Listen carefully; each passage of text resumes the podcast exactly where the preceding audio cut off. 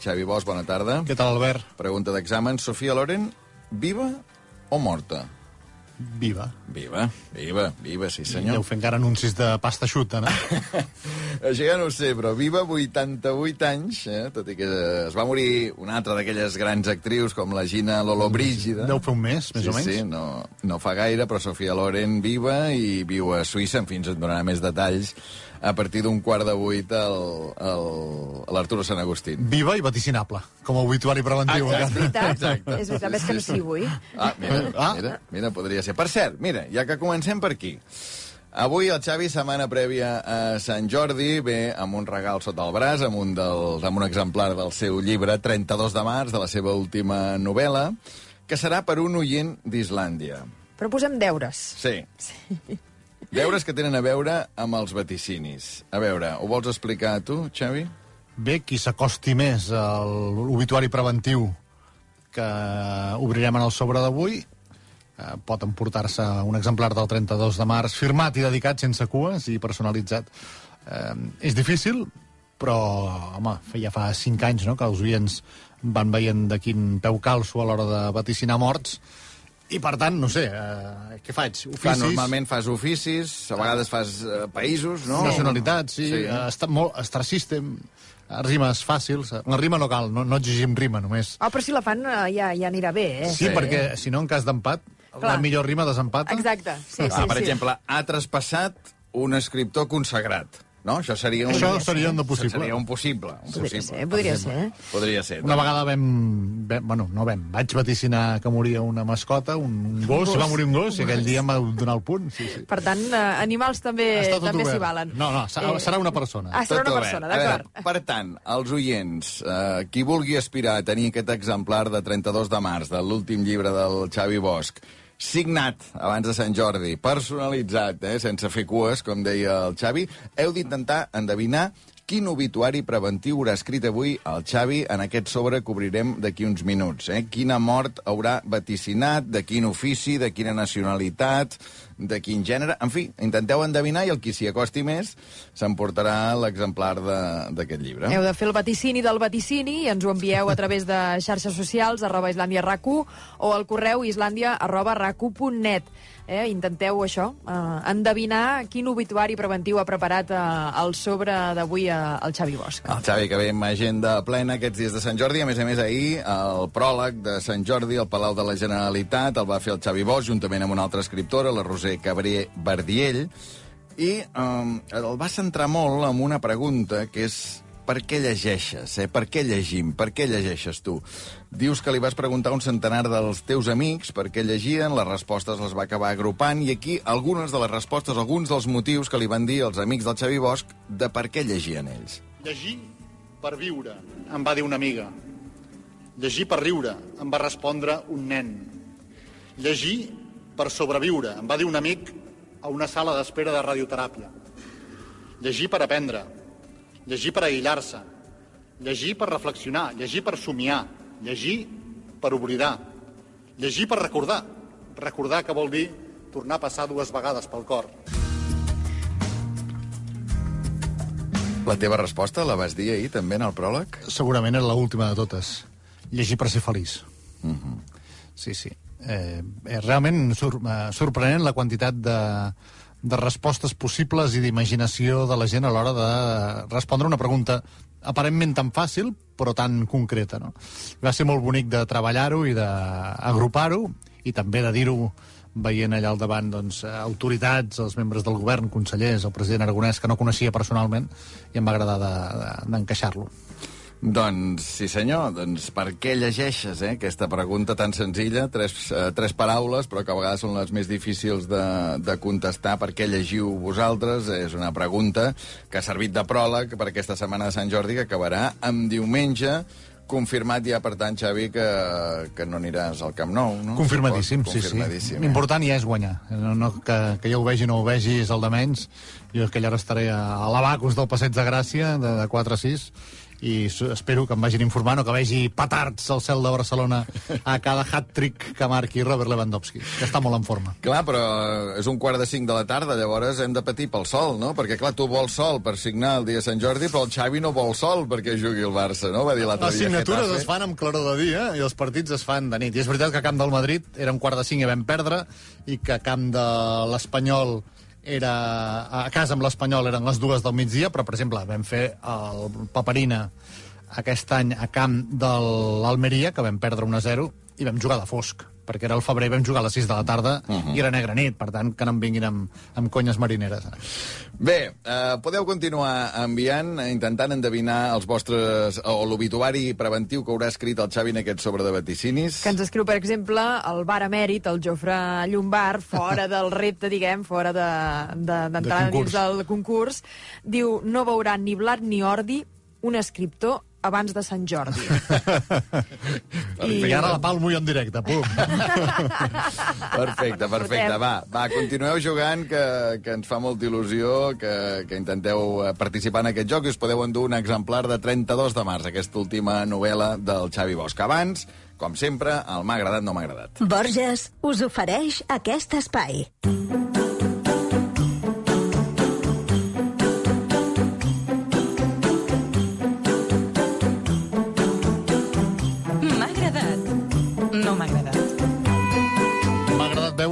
setmana una escena que m'ha colpit. Ahir, al Raval, al carrer Joaquim Costa, hi veig una dona d'uns 30 anys carregada com una mula amb un carro d'anar al súper i un matalàs, un matalàs individual que arrossega com pot i que quan no li cau per un costat se li va per l'altre. No vol ajuda. La segueixo de lluny, gira per peu de la creu i arriba fins a un home, sense sostre, que dorm a terra al costat d'un granini de taronja que sembla ser que és l'única cosa que té. Dorm sobre dos cartrons i a sota eh, d'una manta. La dona el desperta, descarrega el matalàs com pot i li prepara el llit. I l'home, que no sap ni posar-se dret, s'hi arrossega com pot per terra de genolls, s'hi estira de mala manera i continua dormint la mona sense donar-li les gràcies. A qui sigui, li dono ara des d'aquí. Feia temps que no veia una escena de ciutat que m'emocionés tant i tant.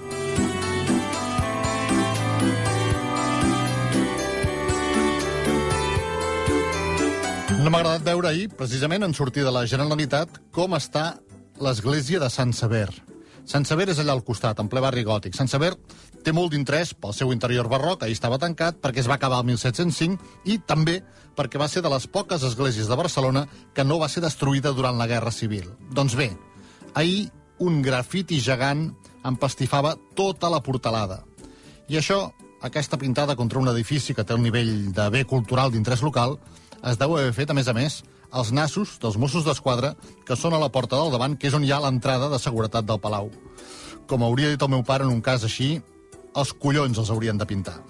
Per cert, adjunto la foto a Twitter d'Islàndia per certificar que és tal i com dic.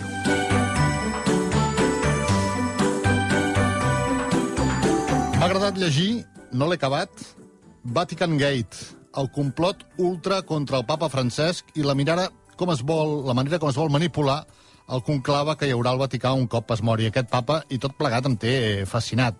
Bravo, bravo per Vicenç Lozano, TV3 Roma, i com la seva trama va descobrint tot això és veritat, eh? és periodisme. Les intrigues per fer passar el papa per un home que està malalt, per un home comunista i per un usurpador. Enganxat, francament, al Vatican Gate. No m'ha agradat, en canvi, haver vist el que vaig explicar la setmana passada, que ha anat a pitjor. Em refereixo a les obres de la desembocadura dels túnels de Vallvidrera cap a la Via Augusta. Ja ho han aconseguit. Després de pagar els 4 amb 88 de peatge, l'embús ja és perpetu. A totes hores, tots els dies, i serà així per sempre, ho vaticino. Ara hem descobert per què.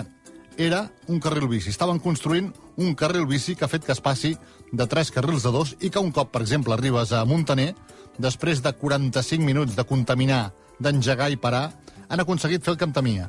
Carril únic, carril únic. Hem passat de 3 carrils a 1 per entrar a Barcelona de pagament. La tortura consumada, la fila índia perpètua. No puc dir en aquest cas ni què diria el meu pare en un cas així. En canvi, Albert, no saps quanta gent m'ha parlat d'aquest comentari que vam fer aquí uh, la setmana passada. De fet, és per agafar un micro i anar allà i fer-hi un reportatge. I escolta, la caravana és tan llarga que tindríeu temps de fer entrevistes en profunditat d'aquestes que feu tant tu com la Maria.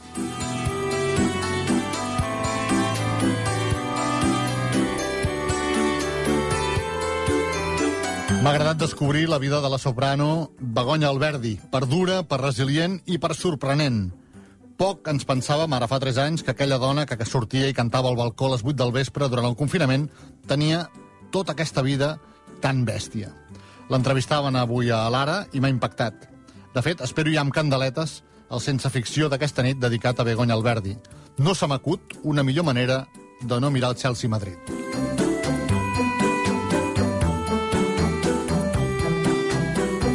I finalment, no m'ha agradat que els àrbitres de futbol espanyol estiguin pensant seriosament a fer una vaga i aturar totes les competicions perquè ells perceben una onada d'hostilitat cap a ells. Són capaços d'equivocar-se fins i tot amb el bar i ara volen respecte per la seva feina i per la seva autoritat. A veure què triga Joan Laporta a descobrir que això és un cop més per intentar desestabilitzar el Barça i que és un intent més perquè el Barça no guanyi aquesta lliga.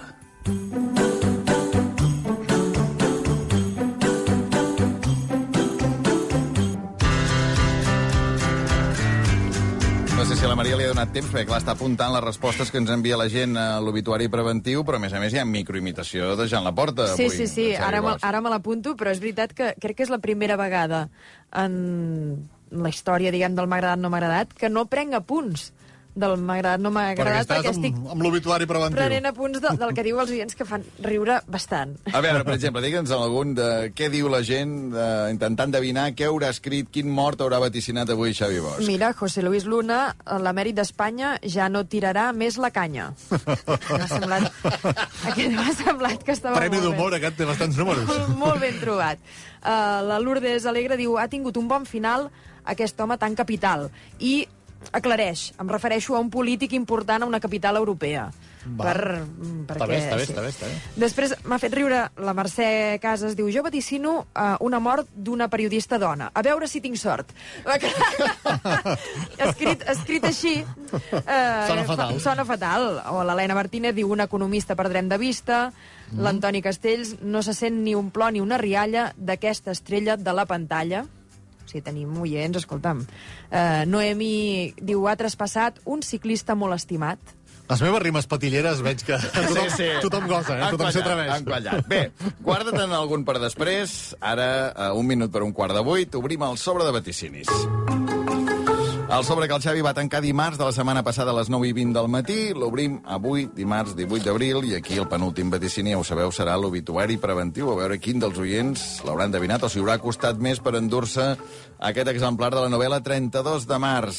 Comencem, però, com sempre, pels vaticinis esportius. El primer val dos punts. Champions. El Madrid rep el Chelsea i marca un mínim de dos gols. Valia dos punts, no?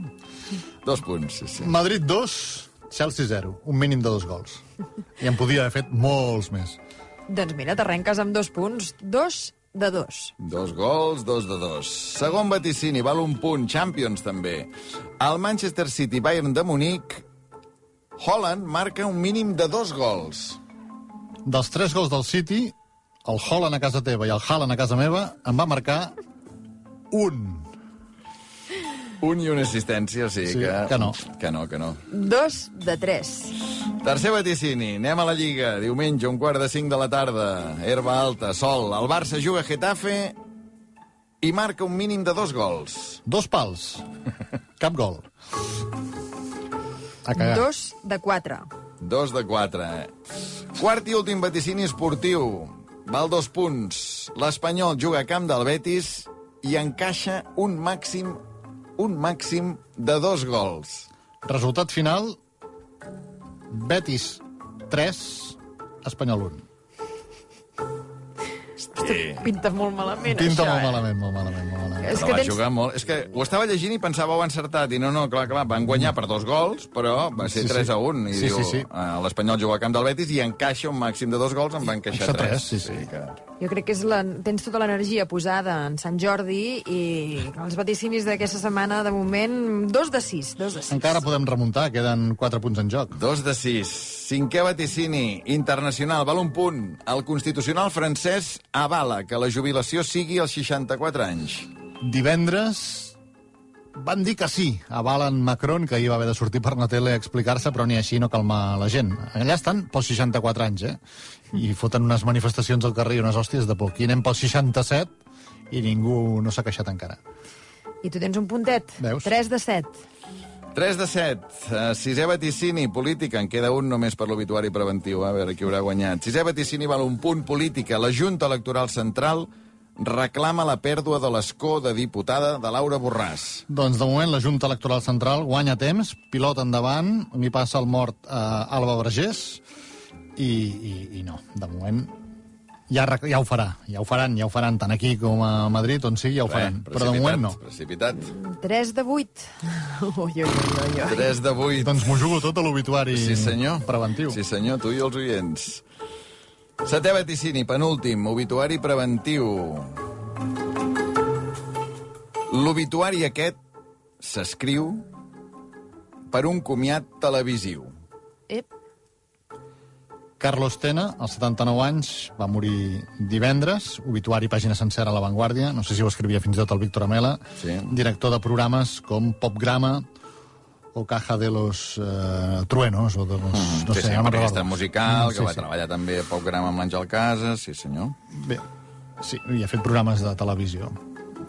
Per tant, he sentit abans una cosa que s'hi acostava molt i molt, i Molt, molt. molt, una de molt. les que has llegit, Mm, L'Antoni Clar, Castells... l'estrella de la pantalla, no? Sí, no se sent ni un plor. No.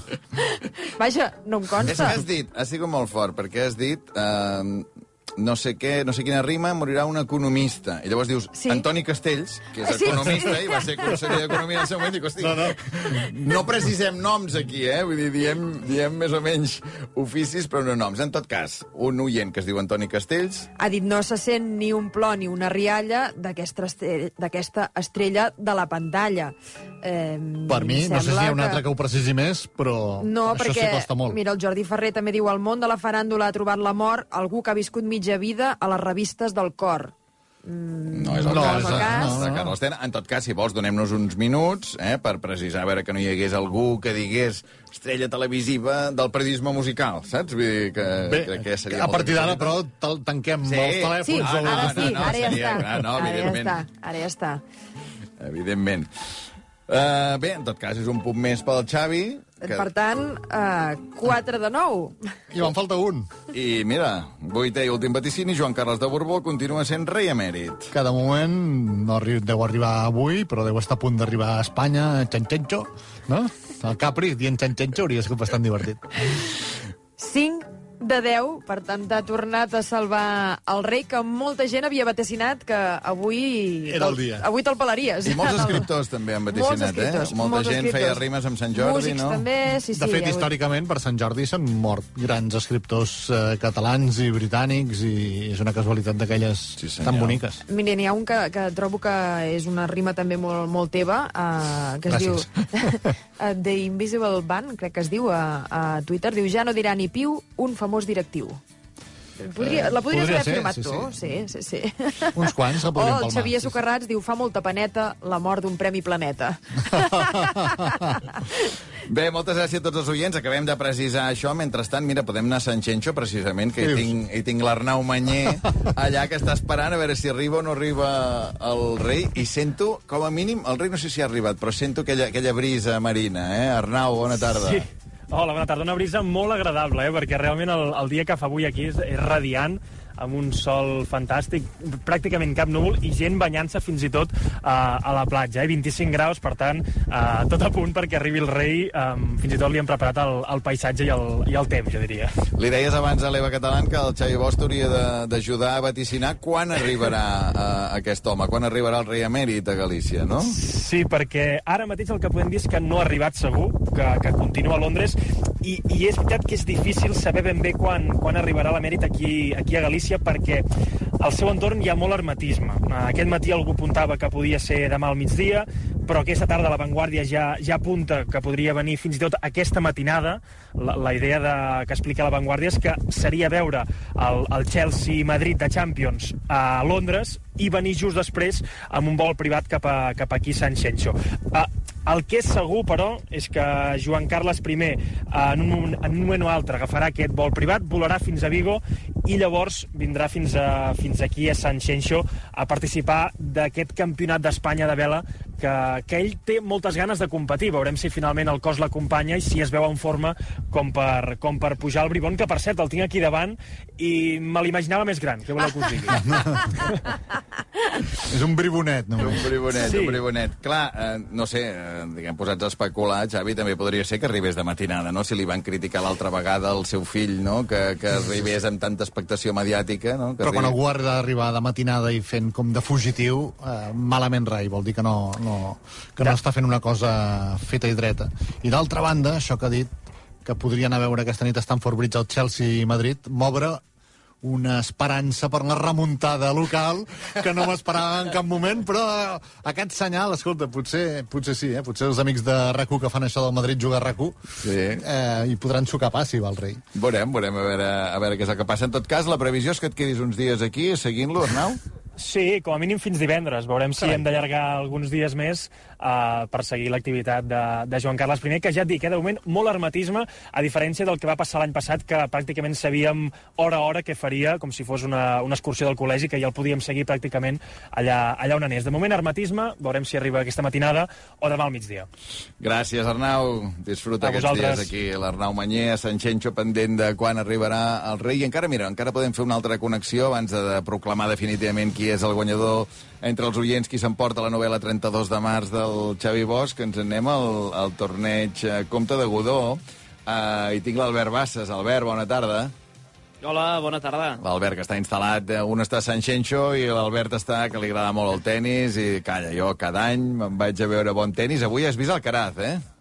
Uh, sí, i una mica contra tot pronòstic, perquè l'esperàvem inicialment per dimecres, que és quan uh, bé, el torneig reserva el, el plat uh, fort, el seu principal reclam, però per desig express del mateix tenista murcià, doncs uh, ha avançat el seu partit avui, és a dir, en comptes de, de ser dels últims de jugar a segona ronda ha estat dels primers i per tant de forma mm, pràcticament inesperada, la notícia saltava ahir a la tarda, doncs eh, tots aquells que tenien una entrada per avui, sense saber-ho, doncs han pogut veure, jo també evidentment, però, però jo hi seré tota la setmana, o sigui que en principi eh, si no l'haguéssim vist demà, però bé, l'hem vist eh, avui, eh, però poquet, eh, també t'ho diré, perquè amb, amb una horeta s'ha desfet del seu rival en el dia d'avui, el portuguès Nuno Borges, eh, que ha derrotat en dos sets, 6 a 3 i, i 6 a 1, però bé, sí que hem pogut eh, veure que després de ser baixa al Masters 1000 de Monte Carlo, doncs eh, arriba aquí a Barcelona amb, amb bones condicions físiques i, per tant, eh, disposat a reeditar títol que ja, ja va guanyar l'any passat. Escolta, diuen que hi ha molt ambient al Godó aquest any, que, que costa molt trobar entrades, que ja diumenge, diguem, a les eliminatòries prèvies, ja ja estava ple de gent al tenis Barcelona. Uh, sí, sí, de fet, uh, bé, la gent doncs, deu, deu tenir ganes de tennis. Uh, li ha anat molt bé el torneig que pràcticament uh, doncs, s'hagin solapat Rafa Nadal i Carlos Alcaraz uh, perquè, perquè, mira, Nadal precisament l'any passat, com aquest any, també va ser baixa per, per lesió i ens vam trobar amb, amb un Alcaraz que va explotar i de quina manera, uh, guanyant diversos tornejos ja, arribant uh, fins i tot uh, al número 1 final de temporada i aquí a Barcelona, doncs, uh, guanyant el títol i, i, i es pot dir que, que aquest eh, hereu que, que pràcticament eh, tothom volia i que el tenis espanyol eh, doncs, també necessitava ha, ha arribat eh, en el moment en què Nadal ha començat a anar una mica menys. Per tant, eh, es pot dir que la, la presència d'Alcaraz eh, pràcticament doncs, garanteix seguir tenint les pistes eh, del tenis Barcelona plenes fins dalt. Eh, ahir per exemple, sabíem que encara quedava alguna entrada, quan encara no es coneixia que, que Alcaraz eh, passava a jugar dimarts, a la que es va saber i es va fer oficial la notícia, de seguida es van acabar de vendre les últimes entrades que quedaven i és molt difícil eh, realment aconseguir-ne ara perquè perquè la resta de, del torneig està tot pràcticament venut. Albert, ahir l'estrella del Village va ser Joan Laporta, en parlàvem en el programa especial que vam fer des de l'auditori dels Premis Drac amb Santinolla, amb el director del Mundo Deportivo, que el va tenir dinant al, al seu costat. Avui eh, hi ha hagut alguna estrella important en aquests dinars que hi ha al Village? Uh, mira, avui jo crec que fins i tot els VIPs també els ha agafat una mica amb el peu canviat això, perquè és veritat que, uh, per bé sí que hi havia uh, el president a la porta, a l'inici de setmana potser és una mica més, més descafeinat, per entendre's, el Village, i a mesura que avança la, la setmana i passen els dies, doncs llavors, bé, cada vegada n'hi ha més. I, I avui que teníem bastanta feina a seguir l'actualitat, eh, diguéssim, pura i dura a nivell esportiu, que, que, que anava farcideta, doncs no m'hi he estat massa i jo no he vist massa, massa mm. cares conegudes. Bueno, el Xavi, el Xavi Bosch hi va dijous, eh? Vull dir que no, podem sí, dir que sí, sí, sí, tots dos que doncs esperes... és un dels dies bons. Esperes és un dels una dies mica. bons. El dia que Santinalla em convida, jo cap allà, escolta. Jugarà Carlos Alcaraz dijous, a veure Sí. si puc veure ni que Sí, sí. sigui un set. Bé, Albert, continua disfrutant del tennis aquesta setmana. Gràcies. Perfecte, vosaltres, per cert, que sàpiga que serà un duel espanyol també davant Roberto Bautista perquè és a punt de guanyar el seu de partit, eh, està jugant ara, és el darrer partit de, de tennis de- d'aquest dimarts aquí al Godó i està guanyant el també valencià Bernabé Zapata per 6 a 2 i 5 a 0, és a dir, que ho té fet. Per tant, aquest eh, Alcaraz serà Bautista, el rival no? d'Alcaraz. Correcte. Perfecte, doncs uh, gràcies, com dèiem, a l'Albert Bassas des del bé. torneig Comte de Godó. Ara sí, Maria, qui s'emporta definitivament aquest exemplar del 32 de març del Xavi Bosch? Tenim el, el missatge de l'Antoni Castells i, si voleu posar-ho a debat, eh, l'Àlex Jordana a Instagram ha dit periodista, sense afegir res més, i després tenim eh, l'Anna Figuerola que ha dit la música se li ha acabat per sempre, tot i que em sembla que fa més referència a un músic, però vaja, es podria eh, Sí. agafar per, el, per la Periodista, és persona. veritat, però una mica soso com a obituari preventiu. Sí. Molt directe, sí, ha encertat eh, l'ofici. I, I músic, com era crític musical, em fa l'efecte que fins ara, eh, per descomptat, Antoni Castell s'ha d'endur el 32 de març. Doncs no se sent ni un plor ni una rialla d'aquesta estrella de la pantalla, de l'Antoni Castells, és l'obituari preventiu que li ha fet guanyar a 32 de març. Doncs ara el Xavi Bosch te'l dedicarà, te'l personalitzarà i a través de la productora del programa ja ens posarem en contacte amb tu, Antoni, per veure com tens aquest exemplar abans de Sant Jordi i el Xavi, doncs, que els qui no tinguin aquest exemplar ja ho saben, a Sant Jordi tot el dia signant i no podran anar al camp del Barça. Perdona que t'ho recordi. I una cosa eh, diferent, ja, com que dissabte també es deixa fer Sant Jordi, a la llibreria Documenta de Pau Claris, de una a dues, també afirmaré que crec que hi haurà menys cua els dissabtes que, que el diumenge. Doncs queda dit, Xavi, bon Sant Jordi. Ens veiem dilluns, no, em sembla? Sí, sí, sí. Ah, setmana que ve, perquè dimarts que ve no hi haurà programa, que hi ha Girona-Madrid a aquella hora, serem a Montilivi, o sigui que... La ressaca, vindràs amb ressaca. Dilluns 24 aquí. Amb molt de gust. Un minut i dos quarts de vuit. De seguida, Sofia Loren. En parlem amb l'Arturo San Agustín. A Borges portem més de 125 anys oferint oli d'oliva de qualitat. L'oli d'oliva verge extra destaca pels seus beneficis naturals. Des de Borges treballem perquè els nostres olis segueixin un procés de producció sostenible amb el planeta i amb les nostres ampolles reduïm cada any 143 tones de residus plàstics. Borges, cuidant el que importa.